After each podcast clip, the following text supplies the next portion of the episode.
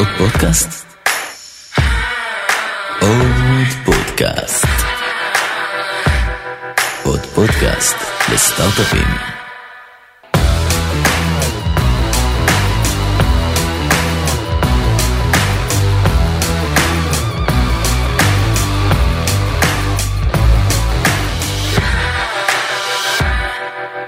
רונן, מה שלומך?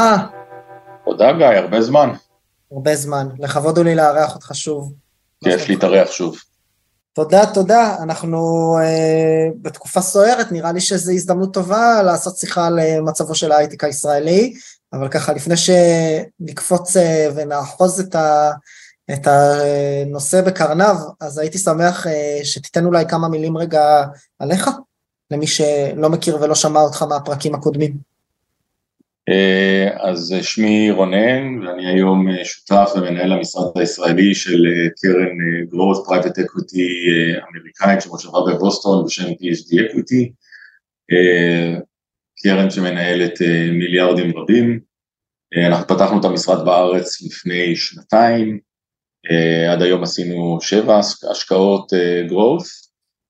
לפני זה הייתי 13 שנה אה, בעולם השקעות ה-early stage, אה, שותף בקרן ויולה, אה, ולפני זה הייתה לי קריירה בצבא וקריירה בתעשייה, ממש לפני המון שנים. כמה סך הכל זמן בהון סיכון? מ-2008, 15 שנה. 2008, תקופה טובה, תקופה טובה להתחיל. לגמרי. אה, קצת אם אתה מרגיש בנוח לחלוק על, אה, על השקעות שבאחרונה הייתם מעורבים בהן, או סוג החברות שאתם רואים ליזמים ויזמות בשלבים המתאימים אולי? אז אנחנו מתמקדים, אה, אנחנו מתמקדים בהשקעות growth, ההגדרה של growth היא כמובן בימינו נזילה ביותר, אבל בגדול אנחנו מדברים על השקעות בחברות באזור עשרה מיליון דולר ARR ומעלה, יודעים לרשום אה, אה, צ'קים של כל מקום בין 30 ל-100 מיליון דולר, ככה הסוויט ספוט שלנו, ויודעים חברות תוכנה בלבד, ויודעים להיות יחסית גמישים מבחינת המבנה, זאת אומרת יודעים להוביל, יודעים להצטרף למובילים, יודעים לעשות השקעות פריימרי, השקעות סקנדרי, קומבינציה שלהם. אני חושב שהגמישות הפיננסית הזאת היא מאוד חשובה בעולם של היום, שלכל אה, חברה ולכל אה, בעלי מניות חשובים דברים אחרים. אז נראה לי שזה מוביל אותי אולי אה, לדבר על הנושא שלשמו התכנסנו, וזה באמת תעשיית הסטארט-אפים וההון סיכון הישראלית היום. אנחנו מדברים, מה שנקרא, בזמן הקלטת, הקלטת הפרק הזה, באמת נראה לי מה שמעסיק הרבה מאוד אנשים בתעשייה זה הרפורמה או ההפיכה המשפטית, מעסיקה אותנו כנראה גם כאזרחים, לא משנה מאיזה צד של המפה הפוליטית, אה, וגם כאנשי הייטק והון סיכון, ועולים, אתה יודע, סברות וטענות ברשת לגבי האם זה פוגע או לא פוגע. ברקע יש לנו, לפחות היינו עד לא מזמן אה, במיתון דה פקטו ובירידה של האסט קלאס של VC בכל העולם, לא רק בארץ, אה, ובעצם אנחנו רואים ירידה בהיקף ההשקעות ובהיקף העסקאות, גם בארץ וגם בחו"ל, וזה מתחיל להשפיע גם על הקרנות, ובסופו של דבר אמור אה, מה שנקרא לחלחל למטה גם לחברות. אז האם אנחנו במשבר? נראה לי הייתי מתחיל מלשאול את זה, וכמה אנחנו יכולים לבודד את המשבר המקומי עם אה, המשבר הגלובלי? אמ, אתה, אתה יודע, ההגדרה של אה, מה, מה זה משבר ואיך משבר היא, היא תמיד הגדרה שנתונה לפרשנות. הייתי אומר שאנחנו נמצאים בתקופה של חוסר ודאות קיצוני, את האמת כבר בין שלוש לארבע שנים. אה, mm. ואיך שלא מסתכלים על זה, התהפוכות החיוביות והשליליות אה, התחילו בעצם ממשבר הקורונה, אה, ובעצם כמעט כל דבר שאנחנו נלך, בין אם המשבר העולמי והאינפלציה וכולי, ממה היא נוצרה ולמה זה קרה ולמה היו השקעות בהייטק ולמה הם נפסקו וכולי, חלק גדול מאוד מזה אפשר להתחיל אותו בתחילת הקורונה, שקצת שכחנו שהיא הייתה קיימת והייתה מאוד מרכזית בחיינו, אבל בעצם זה המשך אה, ישיר וזו תקופה מאוד מאוד ארוכה של, אה, של אי ודאות. אני חושב שמה שראינו בשנים הקודמות, תמיד מזכירים את המשבר של 2000 ו-2000-2001, את המשבר של 2008, מדובר על משברים שהמשבר עצמו היה חצי שנה, שנה, ואחרי זה לקח כמה שנים להתאושש ממנו. אה, אני חושב שמה שמיוחד במה שקורה עכשיו זה שאנחנו נמצאים כבר ארבע שנים בתוך משבר שעדיין לא נגמר ולכן עדיין בכלל עוד לא החלט, אה, התחלנו לצאת ממנו וארבע שנים זו תקופה מאוד מאוד מאוד אה, ארוכה, בוודאי שמדברים בעולמות של חצי. מבחינת הקורונה אתה מדבר על זה כמשבר, בסוף אה, מה שנקרא בחלקת האדמה הקטנה שלנו, כסטארטאפיסטים ומשקיעי הון סיכון, היה האצה של תהליכי דיגיטציה בעולם, ואחרי איזה צניחה בהשקעות שנמשכה חודש או חודשיים, שכולנו חשבנו שאנחנו מגיעים לדומסדיי, דווקא בעצם הקורונה נתנה במובן מסוים סוג של יריית פתיחה דווקא לעלייה בהשקעות, בהיקפים שלא נראו כמותם בארץ, וגם בחלק מהמקומות מהאקוסיסטמים בחו"ל. בעצם הייתה נהירה של כסף לאסט קלאסים טכנולוגיים, עכשיו אנחנו רואים את התופעה ההפוכה. נכון, נכון, ועוד פעם אני חושב ש... ולכן אני אומר שיש פה איזושהי יציבות מסוימת, זאת אומרת, אה, אה, הקורונה הייתה זעזוע לכל הכלכלה העולמית, היא יצרה איזושהי אה, מצג שבתחושה, שבשלב מסוים התחושה של כולנו, לא רק אנחנו כאנשי טכנולוגיה, אלא של הציבור בכלל, שאולי יהיו פה שינויים טקטוניים בהתנהגות הצרכנית ונגמר העולם הפיזי ומהיום אנחנו עושים את הכל בצורה דיגיטלית. אה, כשהיינו סגורים בבית זה גם היה נכון בחלק מהעניין, אה, בחלק מההיבט, ואז באמת הייתה האצה של תהליכי דיגיטציה עולמיים ובעקבותם גם עלייה מסיבית בהשקעות, אה, בשיתוף של סביבת ריבית נמוכה שאפשרה את, ה... שאפשרה את הדברים האלה ובעצם הפכה את ההשקעות ארוכות הטווח בטכנולוגיה להשקעות אטרקטיביות מבחינה פיננסית, ועכשיו אנחנו נמצאים קצת בקצה השני של המטוטלת, כשהתברר שזה לא קורה אה, והציבור חוזר במידה מסוימת לפחות אה, להרגליו הישנים ובמקביל נוצרו תופעות אה, אינפלציוניות ותופעות גיאופוליטיות אחרות כמו מלחמת רוסיה-אוקראינה ומשבר האנרגיה וכולי, אז עכשיו אנחנו נמצאים בצד השני של המטוטלת שבו הייתה עליית ריבית מאוד גבוהה, גבוהה ביותר בהיסטוריה, שבעצם נתנה ברקס לכלכלה העולמית, תוסיף את זה של איזושהי התפכחות מקצב הדיגיטציה העולמי, ואנחנו נמצאים עכשיו בקצה השני של המטוטלת ועדיין לא הגענו לשיווי משקל חדש, שממנו אפשר להתחיל אה, אה, לתכנן או לנסות אה, לחזות על איזה שהם אירועים ארוכי טווח. זאת אומרת, בתוך ארבע שנים לעבור מקצה אחד של הייפ לקצה שני של הייפ, או של de-hype, זו תקופה שבעצם אנחנו חיים בשנים האחרונות בתוך, בתוך מקום שקשה לנו מאוד להגיד, להגיד איפה יהיה שיווי המשקל האמיתי, שממנו נוכל אה, להתחיל לחזור ולחשוב ארוך טווח לאיך תעשייה נראית, לאיך תעשייה נבנית אה, אה, וכולי, ולכן אני חושב שזה מצב שמאוד מאוד מיוחד ויותר קיצוני ממה שראינו בשני המשברים. קודם כל מאוד מעניין ואני רוצה לנסות לכנס אותנו אולי רגע למצב הנוכחי ולנסות לחבר את כל הנקודות ללמה זה מעניין את המאזינים. כשאנחנו מדברים על מצב המקרו, על עליית או ירידת הריבית, על זרימה של השקעות חדשות וכסף חדש ל-VC, לקרנות הון סיכון כאסט קלאס, זה מעניין גם אותנו כמשקיעים מן הסתם, כי אז יש לנו כסף להשקיע ואנחנו יכולים לקחת דמי ניהול ולהתפרנס, אבל זה מן הסתם עוד יותר מעניין את היזמים כי זה אינדיקציה ליכולת שלהם לגייס כסף וממי בכל אורך אה, שלבי החברה, זה אחד. שתיים, אני חושב שאת כולנו, גם אם מישהו מאזין לפרק הזה והוא לא יזם או משקיע, זה איזושהי אינדיקציה מסוימת, בוא נקרא לזה לבריאות התעשייה או לבריאות תעשיית ההייטק או עתיד תעשיית ההייטק הישראלית, ובאמת כשדיברנו על זה ואני לוקח אותנו דרך הטיימליין שתיארת, מהקורונה שהזרימה יותר כסף שהגיע לשיאים שלא היו פה בהייטק הישראלי ועכשיו עליית הריבית והשינויים הגיאופוליטיים שבעצם גרמו ואנחנו קוראים את הכתבות בואו נדבר קצת בנתונים צניחה של מעל 60-70 אה, אחוז נכון? גם בהיקף ההשקעות וגם במספר העסקאות בעולמות ההון סיכון מה שנקרא venture back deals אז זה קורה בארץ. חשוב לציין רואים מספרים דומים בחו"ל זה מכריח אותי לשאול ובזה נראה לי נסגור את הנקודה רונן, אפשר לבדל בכלל את המשתנים המקומיים כמשתנים זרים, לצורך העניין הרפורמה או ההפיכה או דברים שקורים בארץ, האי יציבות הפוליטית, או שכרגע עוד קשה לדעת האם הדברים האלה משפיעים או לא ואיך?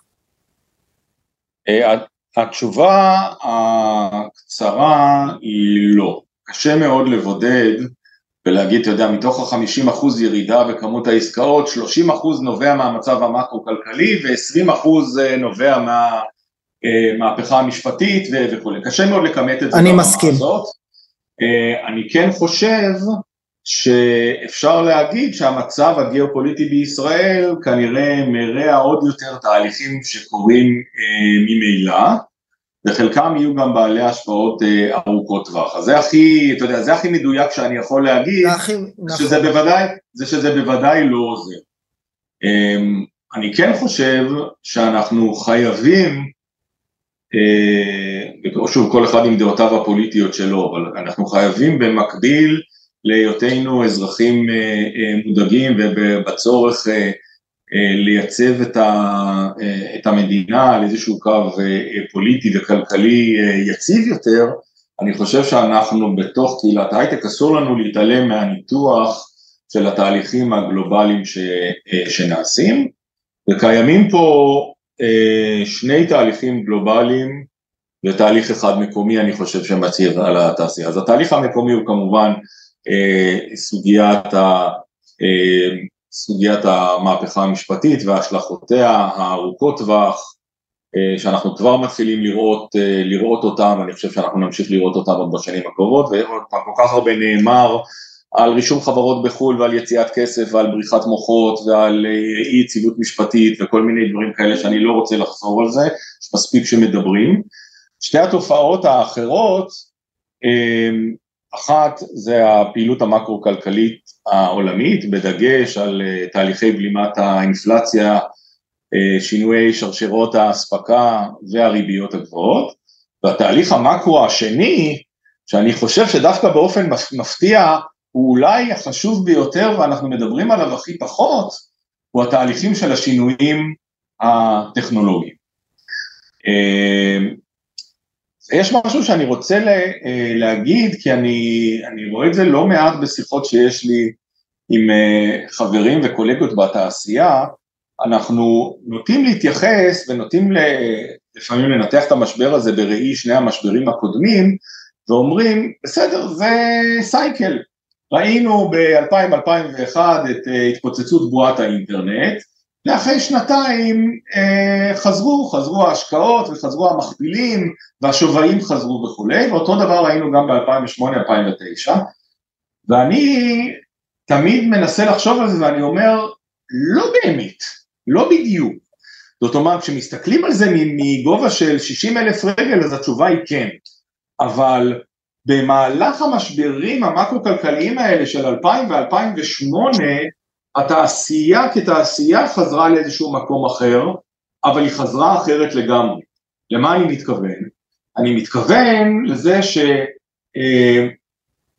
שהנפילה אה, הגדולה של מה שקראנו בשנת 2000, חברות ה eyeballs, חברות האינטרנט, שהיה להם הרבה מאוד traction uh, uh, מבחינת usage, אבל לא היה להם מודל עסקי, החברות האלה לא חזרו ב-2002-2003. חזרה תעשייה אחרת, והיה לנו פה עשור שלם שהיה מבוסס על תעשיית semiconductor ותעשיית enterprise software, לא רק בארץ אלא בעולם. זאת אומרת שהגורם משבר האינטרנט, החברות האלה לא חזרו, לא חזרו לעולם, ואלה שחזרו היו צריכות לחזור עם מודל עסקי אחר. ואותו דבר קרה ב-2008-2009. זה נכון שאחרי זה המכפילים חזרו וההשקעות חזרו, אבל הם לא חזרו לאותם מקומות. נעלמה תעשיית ה semiconductor אה, לחלוטין לכמעט עשר שנים עד שהיא עשתה הבלחה חזרה ב-2018 לאיזה שנתיים, אה, אבל בגדול היא נעלמה ותעשיית ה enterprise software הומרה בתעשיית cloud ו SaaS ולכן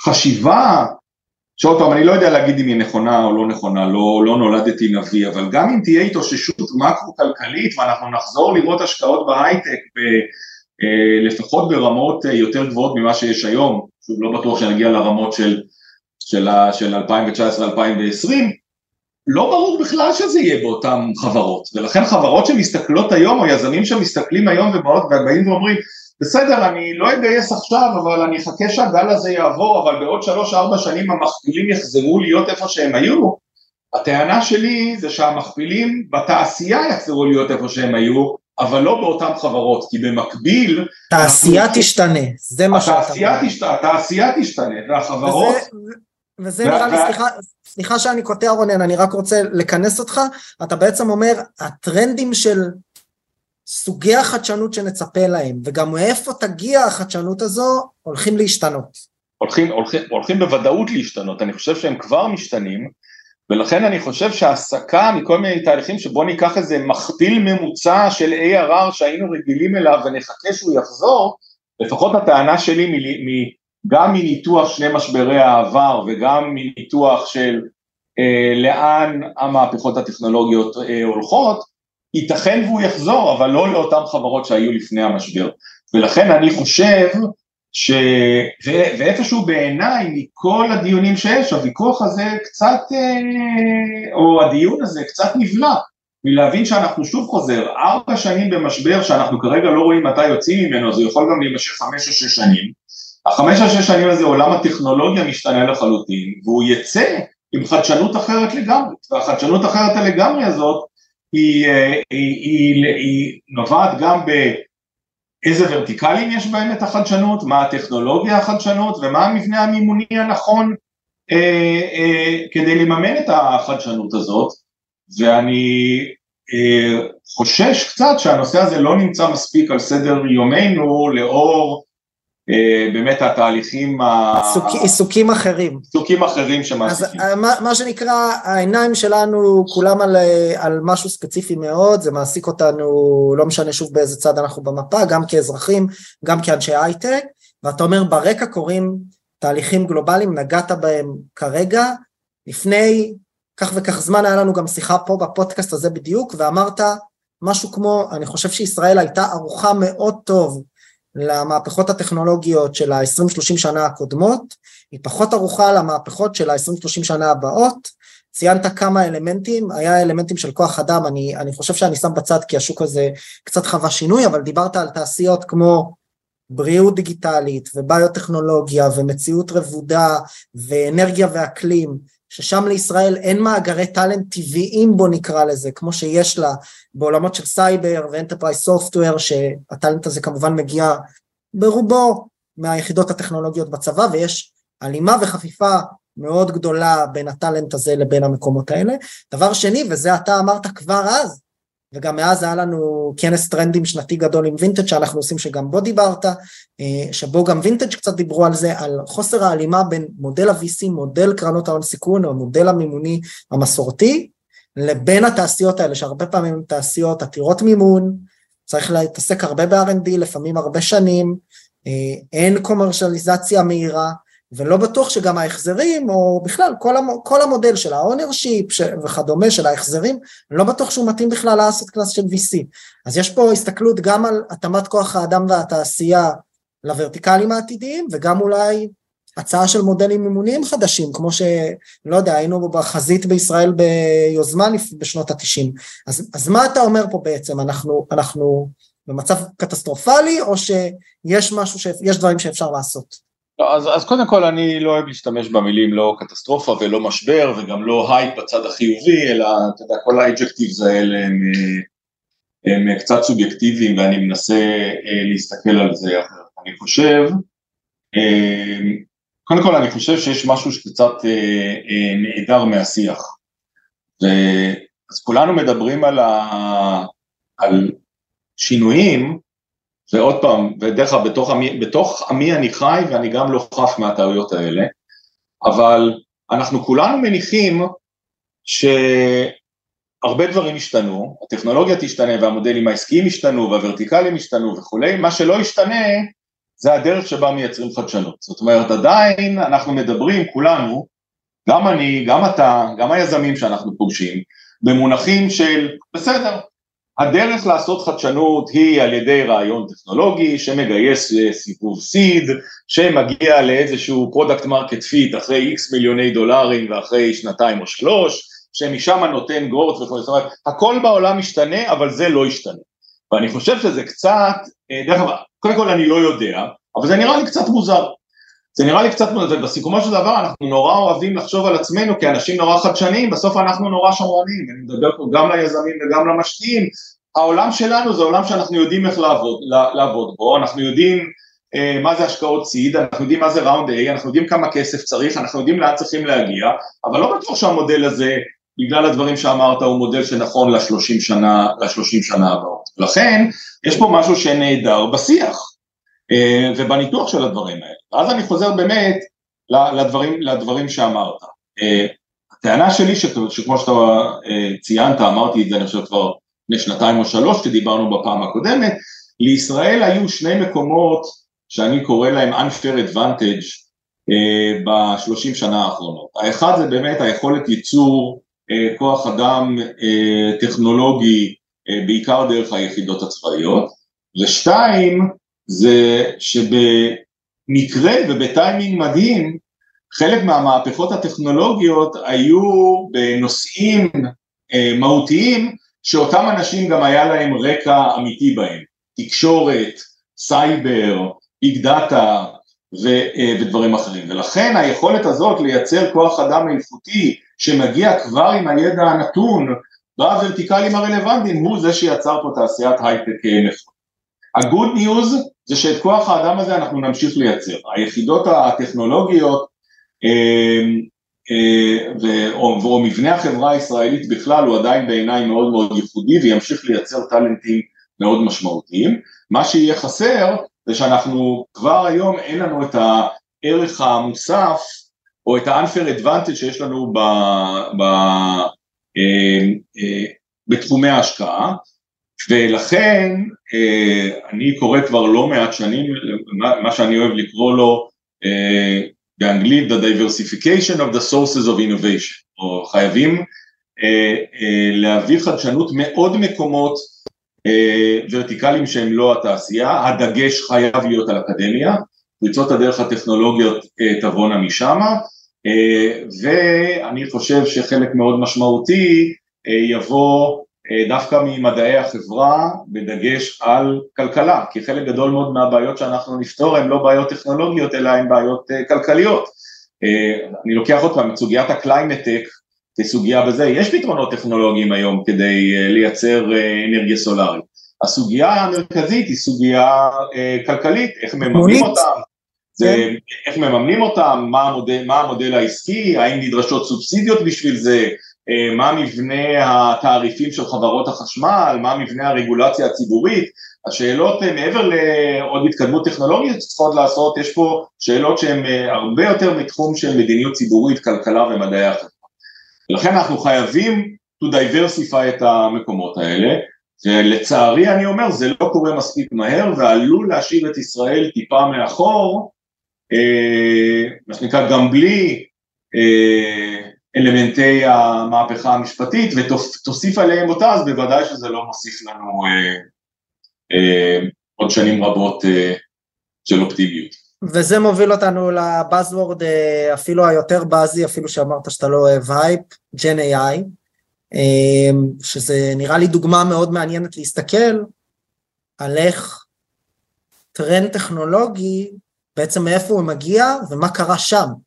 בעצם את החדשנות הגדולה באזורים האלה הביאו חברות גדולות ועתירות מימון, אפשר לקרוא להם סוג של enterprises אה, אם נרצה, כי הן מגובות על ידי ה enterprises הגדולים, אם מסתכלים על גוגל והמודלים שלה, פייסבוק והמודלים שלה, אפילו OpenAI זה בסוף אה, חברה שהמייסדים שלה אה, מחזיקים כמה מחברות הטכנולוגיה הגדולות בעולם והפריצה של הטכנולוגיה הזו לשוק, אה, דיברנו על זה גם קצת לפני הפרק, היא הייתה נורא נורא מהירה ועכשיו כל הסטארט-אפים הקטנים צריכים להסתכל ולהחליט איפה זה פוגש אותם, אבל החדשנות לא הגיעה מלמטה, היא הגיעה, מוסיף... הגיעה מלמעלה. והייתי מוסיף לניתוח שלך שאני מסכים איתו לחלוטין גם אה, דוגמאות מעולמות נוספים לדוגמה מחשוב קוונטי. שגם שם אנחנו רואים שהגופים המרכזיים זה הגוגלים וה-IBMים של העולם שיש להם את המשאבים הנדרשים דרך אגב גם המשאבים הפיננסיים וגם היכולת שלהם לקחת את הטאלנט האקדמי. יש שם הרבה מאוד אנשים כבר אה, אה, בעלי, אה, אתה יודע, תארים אקדמיים מתקדמים שהם אלה שמובילים את הדבר הזה, יש פה כמעט אה, מרוץ חימוש עולמי שדורש תקציבים אדירים ומעורבות ממשלתית, זאת אומרת שאנחנו רואים שחלק מהדברים האלה באמת לא קורים כבר בדרך, ובעצם אני מסתכל על ה-15 שנה האחרונות ובאמת כמה שמות חדשים יש לנו שאנחנו לא מכירים, אולי שניים שזה OpenAI ו-NVIDIA, שהם שני uh, ככה ענקים טכנולוגיים חדשים שפרצו לחיינו באמת בשנים האחרונות וידעו לרכב על, על, הגל, על הגל הזה, אבל אנחנו באים, בעצם רואים שחלק מהפריצות הטכנולוגיות העתידיות הן כל כך יקרות, הן כל כך גדולות, הן דורשות כל כך הרבה משאבים, זה לא ברור שהאקוסיסטם של סיד uh, של 500 אלף דולר followed by uh, round A של חמישה או עשרה מיליון דולר, הוא, הוא, הוא, הוא היכולת האמיתית ש, שנדרשת פה. מה ו... זה אומר, רונן, מה זה אומר לגבי יזמים שעכשיו הקימו חברת תוכנה בוורטיקל כזה או אחר? מה זה אומר לגבי היכולת שלהם, או, או למה הם צריכים לצפות ב-15 שנים הקרובות? אתה אומר שלא יהיו יותר אה, חברות uh, סופטוור? לא נשמע לי הגיוני הרי, נכון? נשמע לי אמירה מוגזמת. לא, לא, אני בוודאי, בוודאי אני לא אומר שלא יהיו. אני חושב שבסוף אבל התעשייה אה, היא תעשייה יותר mature. זאת אומרת, בסוף הגל הקודם של החדשנות, שמאוד מאוד התבסס על, אה, על cloud, על mobile, על social networks ועל big data, זה נניח ארבע המהפכות הגדולות של עשרים השנה האחרונות. אה, אין מה לעשות, לא יודע איזה דגם אייפון יש לך כרגע, הוא פחות חדשני מהאייפון אחד, ואני גם בטוח שכמות האפליקציות החדשות שאתה מוריד אליו היא נמוכה מכמות האפליקציות החדשות שהורדת לפני עשר שנים. אה, זאת אומרת, בסיכומו של דבר התקבענו כבר סביב איזשהו זה, והחדשנות היום היא אינקרמנטלית. עכשיו, האם אין זכות קיום לחברות בתחום הזה? בוודאי שקיימות אה, זכות קיום שלהם, אני רק חושב שצריכים להסתכל עליהם נכוחה. איפה, איפה החדשנות, כמות ה-white spaces הולכת וקטנה יותר, לכן ה... אה, דרך אגב, ה-good news זה שיותר קל אולי לפתח ולהגיע להישגים יותר מהר, השווקים יותר בשלים ויודעים לעשות את זה, ולכן צריכים, לה, צריכים להתאים, אה, וצריכים להתאים את הציפיות גם של היזמים וגם של המשקיעים לגבי גודל ההשקעה וגודל ההחזר הפוטנציאלי משווקים שהם מתנהגים בצורה יותר מצויה. מצד שני, יש שווקים, אה, יזמים בתחומים אחרים, יש עדיין בעיות שלא נפתרו. בכל התחומים האלה שאמרנו, גם אה, סביב AI וגם סביב climate וגם סביב מחשוב קוונטי וגם סביב סוגיות הבריאות למיניהם, אתה יודע, החל מפודטק והחל בזה, יש פה סוגיות של בחלקם עוד לא הגענו לרמת הבשלות הטכנולוגית הנדרשת to commercialize אותם, ובחלקם הגענו לרמת הבשלות הטכנולוגית הנדרשת ועוד לא פיצחנו את המודלים העסקיים או את המודלים המימוניים שלהם, ולכן במידה רבה מאוד מי שיבחר ללכת לשם אה, יש לו כר מדהים לפעילות כי עוד לא פתרנו את הבעיות, ומי שידע לפתור את הבעיות האלה אז אנחנו בוודאי יודע להוביל אותנו בנושא הזה. אני אומר עוד פעם את דעתי האישית, שהעיסוק בזה בישראל הוא בעיניי לא מספיק, אה, אנשים אה, עדיין רוצים קצת, נשענים על זה, צרכים על זרי הדפנה של ה-15 שנה הקרובות ומקווים שהנה... מה שעבד ימשיך לעבוד. מה שעבד ימשיך לעבוד ואני חושב שזה לא יקרה. יעבדו דברים אחרים ובואו נתרכז בהם. אז אני לא יודע לגבי הסיפה של הדברים, אני כן יודע שאני מסכים לגבי, כשמסתכלים על התעשיות שציינת, למשל, בוא ניקח דוגמה, אקלים, כולם מדברים על זה, זה הבאזוורד החדש, יש כנסים בכל מקום, יש ארגונים שלמים שעושים אדבוקסי לדבר הזה, בסוף כשאתה מסתכל על venture backed investments, על קרנות, טיר, אה, לא משנה אפילו איזה טיר, בסדר? קרנות אה, ישראליות וישראליות אה, עם אוריינטציה ישראלית שעושות פה השקעות, יש מעט מאוד השקעות בתחום. יש מעט מאוד השקעות בתחום, כי יש מעט מאוד משקיעים בתחום, כי לא ברור שפיצחנו את המודל, את המודל המימוני. יפה, ואני... אז למה זה באמת קורה? מה זה אומר לא פיצחנו את המודל המימוני? בוא, בוא נסביר את זה רגע. אני, אני, אני חושב שקרנות ההון סיכון, אה, בוודאי באזורי ה-early stage שלהם, אה, נעשו מכורות למודל מאוד מאוד ספציפי שעבד טוב ב-10-15 שנה האחרונות, והמודל הזה אמר, אה, software only, high gross margins כי זה software only, uh, cloud computing כי זה מאפשר infinite scalability, ולכן היכולת שלי ליצור חברה מ-0 למיליארד דולר תוך 7 או 8 שנים קיים. כי יש לי את האלמנטים הבסיסיים של, בסיכומו של דבר, העלויות הישירות שלי הם בעיקר כוח אדם, אין הרבה מרכיבי הארדוור, אין לי supply chain מסובך, אין לי הרבה professional services, ולכן אה, גם היזמים וגם, וגם המשקיעים התלהבו במודל הזה, שהוא בסוף infinite scalability במעט זמן ובלא המון כסף. כן. וזה באמת יצר החזרים מאוד מאוד משמעותיים לתעשייה. אבל שוב אני אומר, אנחנו נמצאים איפשהו במצ'וריטי קר של זה, אה, ושוב, אתה יודע, התעשיות האלה מתות לאט, יכול להיות שיש פה עוד 10 או 15 שנה, כן, של אה, זה, אבל בסיכומו של דבר התעשיות האלה משתנות, ואז כשאנחנו באים ואומרים, רגע, אבל אנחנו רוצים לממש עכשיו את כל הטכנולוגיות ולבנות עליהן, אבל לגעת בעולם הפיזי, ונסתכל עוד פעם, זה יכול להיות החל מרכבים חשמליים, אה, דרך hyperloop ופתרונות תחבורה אחרים, דרך climate tech, בין אם זה solar, טורבינות רוח או כורים גרעיניים קטנים, זה לא משנה, אבל הדברים האלה לא עונים על ההגדרות של Software only, highly, scalable ומעט כסף, בסדר? הם לא עונים על ההגדרות של זה. ואז בתור, אה, אז כשאתה לוקח את הצד של משקיעי ההון סיכון, הם לא יודעים לבוא היום ל LPs שלהם ולהגיד, אה, אני יודע להשקיע ב climate tech, למרות שיש לי שרשראות אספקה ואני צריך אה, אה, לייבא אה, להבים של טורבינות רוח מכל מיני מקומות והן צריכות לנסוע באוניות, עדיין אני יודע להגיד לך שאין לך 40 אחוז IRR תוך שבע שנים ב environment הזה, זה פשוט לא עובד ככה. ו, אה, ולכן אני חושב שיש פה בלבול, יש תובנה מצד אחד שצריכים מודלים אחרים ומצד שני לא ברור מהם המודלים האחרים ואני חושב שלא נעשה מספיק ניסיונות גם בעולם, לא רק בישראל, אה, כדי לנסות לפתור את זה, אז אנחנו רואים יותר ויותר קרנות ורטיקליות ואנחנו רואים יותר קרנות חוב ואנחנו רואים יותר מעורבות ממשלתית, שזה הרבה פעמים כל הדברים האלה הם באמת דרושים כדי לעשות ג'אמפ סטארט לתעשייה חדשה.